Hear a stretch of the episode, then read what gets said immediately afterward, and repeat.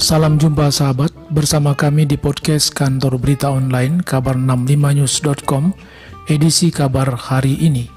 Sahabat, Satreskrim Polres Metro Jakarta Selatan telah berhasil mengungkap dan menangkap pelaku kasus kejahatan terhadap jiwa orang atau pembunuhan berencana disertai dengan pencurian yang terjadi pada hari Kamis 10 Februari 2022 sekitar pukul 5.30 waktu Indonesia Barat di area pemakaman umum Kober, Jalan Ulu Jami Raya, RT 008 001, Kelurahan Pesanggerahan, Kecamatan Pesanggerahan, Jakarta Selatan. Selengkapnya, mari kita ikuti bersama konferensi pers Kabit Humas Polda Metro Jaya, Kombes Pol Endra Julvan, Senin 14 Februari 2022. Yang saya hormati Kapolres Metro Jakarta Selatan, Pak Budi Erdi, para penyidik dari Polres Metro Jakarta Selatan dari Satreskrim yang hadir pada siang hari ini, serta rekan-rekan media semuanya. Pada siang hari ini saya bersama Pak Kapolres akan menyampaikan rilis ungkap kasus yang dilakukan oleh Satreskrim Polres Metro Jakarta Selatan dibantu juga dari uh, Satresmob Ditkrim Um Polda Metro Jaya terkait dengan pengungkapan kasus pembunuhan berencana yang disertai pencurian. Jadi Satreskrim Polres Metro Jakarta Selatan telah berhasil mengungkap dan menangkap pelaku kasus kejahatan terhadap jiwa orang, pembunuhan berencana, disertai dengan pencurian, ya, dengan kekerasan. Adapun waktu dan tempat kejadiannya, ini pada hari Kamis tanggal 10 Februari tahun 2022, kurang lebih pukul 05.30 waktu Indonesia bagian Barat, jadi ini subuh ini, di area pemakaman umum Kober, Jalan Ulu Jami RT 008 001 Kelurahan Pesanggerahan, Kecamatan Pesanggerahan, Jakarta Selatan. Adapun yang menjadi korban, inisialnya adalah FF, ini laki-laki, usianya 23 tahun, pekerjaannya sebagai chef di salah satu restoran, mengalami luka tusuk di bagian perut, kemudian meninggal dunia. Kemudian tersangka dari kejahatan ini ada tiga, satu merupakan tersangka utama, jadi yang merencanakan dan menyuruh melakukan. Inisialnya ada LM, perempuan, umur 38 tahun. Kemudian tersangka yang lain sebagai eksekutor yaitu DR, umur 22 tahun, laki-laki, kemudian MYL, laki-laki, umur 18 tahun. Pekerjaan mereka adalah sebagai pekerja serabutan. Kemudian dari kejahatan ini barang bukti yang berhasil diamankan oleh penyidik di antaranya satu mobil Terios hitam Nopol B 1932 VFQ milik uh, pelaku utama.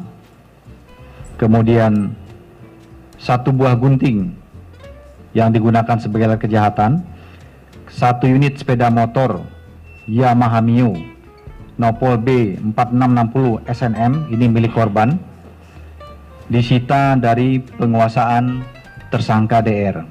Kemudian satu unit handphone. Kemudian uang tunai sebesar 500.000 ini imbalan dari pelaku LM disita dari pelaku DR. Kemudian uang tunai 300.000 imbalan dari pelaku LM disita dari pelaku atau tersangka MYL. Kemudian mereka ini dalam melakukan kejahatannya, dalam menghabisi nyawa korban, melakukan dengan cara menusuk menggunakan benda tajam ke arah perut yang mengakibatkan korban meninggal dunia. Adapun motif yang melatar belakangi kejahatan ini di antaranya adalah bahwa pelaku utama yaitu saudari LM ini diduga memiliki kelainan uh, seksual yaitu yang bersangkutan seorang lesbi, kemudian cemburu terhadap korban FF karena korban FF menjalin hubungan asmara atau berpacaran dengan saksi HN yang mana pelaku LM ini memiliki hubungan spesial atau khusus dengan saksi HN yang sudah berlangsung cukup lama pengakuannya 9 tahun sehingga dengan adanya hubungan asmara antara pacar daripada saudari LM ini sebagai pelaku utama yaitu saudari HN yang kita jadikan saksi dengan korban FF ini menimbulkan kecemburuan dari pelaku utama. Kemudian pelaku LM ini sakit hati dengan korban FF. Ya, ini sebagai alasan yang kedua karena telah meminjam motornya. Kemudian setelah dikembalikan motor tersebut dalam keadaan rusak dan juga STNK tidak ada karena ditilang dalam perjalanannya di jalan raya. Sehingga pelaku LM menganggap korban FF ini tidak bertanggung jawab Kemudian motif yang ketiga, pelaku DR dan NYL ini melakukan pembunuhan karena diberikan imbalan atau bayaran oleh pelaku utama yaitu saudari LM. Adapun kronologi singkat kejadian sebagai gambaran kepada teman-teman media dan juga masyarakat bahwa berawal dari otak pelaku utama yaitu saudari LM di awal bulan Februari ini sakit hati kepada korban FF kemudian saudari LM ini menyuruh ya saudara DR dan MYL dengan iming-iming uang untuk menghabisi korban. Kemudian pada hari Kamis 10 Februari 2022 sekitar pukul 01.30 WIB pelaku LM menjemput DR di rumahnya di Srengseng kemudian menjemput MYL di Cipondoh menggunakan mobil Terios warna hitam milik saudari LM. Selanjutnya, saudari LM, saudara DR, dan juga MYL menuju TKP. Kurang lebih pukul 02.30, ya. Ini hendak menunggu uh, korban atau saudara FF Selanjutnya mereka bertiga menunggu di sekitar TKP dan pada saat korban FF ini melintas menggunakan sepeda motor, di situlah kedua eksekutor ini melakukan aksinya, yaitu dengan menghentikan, ya kemudian juga melakukan penusukan dengan menggunakan gunting ya, kepada korban. Di mana gunting ini disiapkan oleh pelaku utama yaitu saudari LM. Selanjutnya pelaku DR dan MEL melakukan penusukan pada korban menggunakan gunting yang sudah disiapkan tersebut. Kemudian akhirnya korban jatuh dan meninggal di tempat kejadian perkara. Kemudian pelaku DR membawa sepeda motor milik korban FF. Kemudian korban ditemukan meninggal di TKP dengan mengalami dua luka tusukan di bagian perut.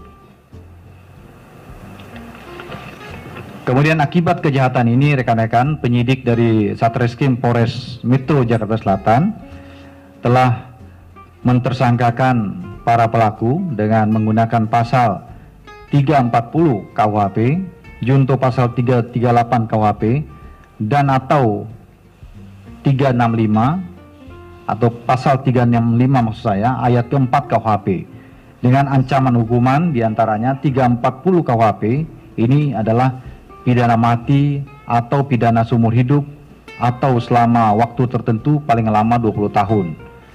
Kemudian pasal 338 KUHP ini dipidana penjara paling lama 15 tahun. Kemudian pasal 365 KUHP ayat 4 mengakibatkan orang meninggal dunia ya. Ini dipidana paling lama 20 tahun penjara. Demikian rekan-rekan yang bisa saya sampaikan.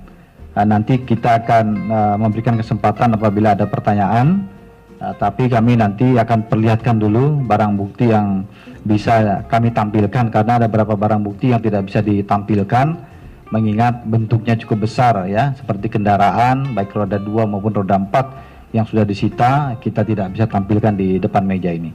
Sahabat, demikian kabar hari ini. Kita akan jumpa kembali dengan kabar-kabar lainnya di lain waktu dan lain peristiwa. Apabila Anda ingin mendapatkan berita-berita terkini, jangan lupa klik situs kami kabar65news.com.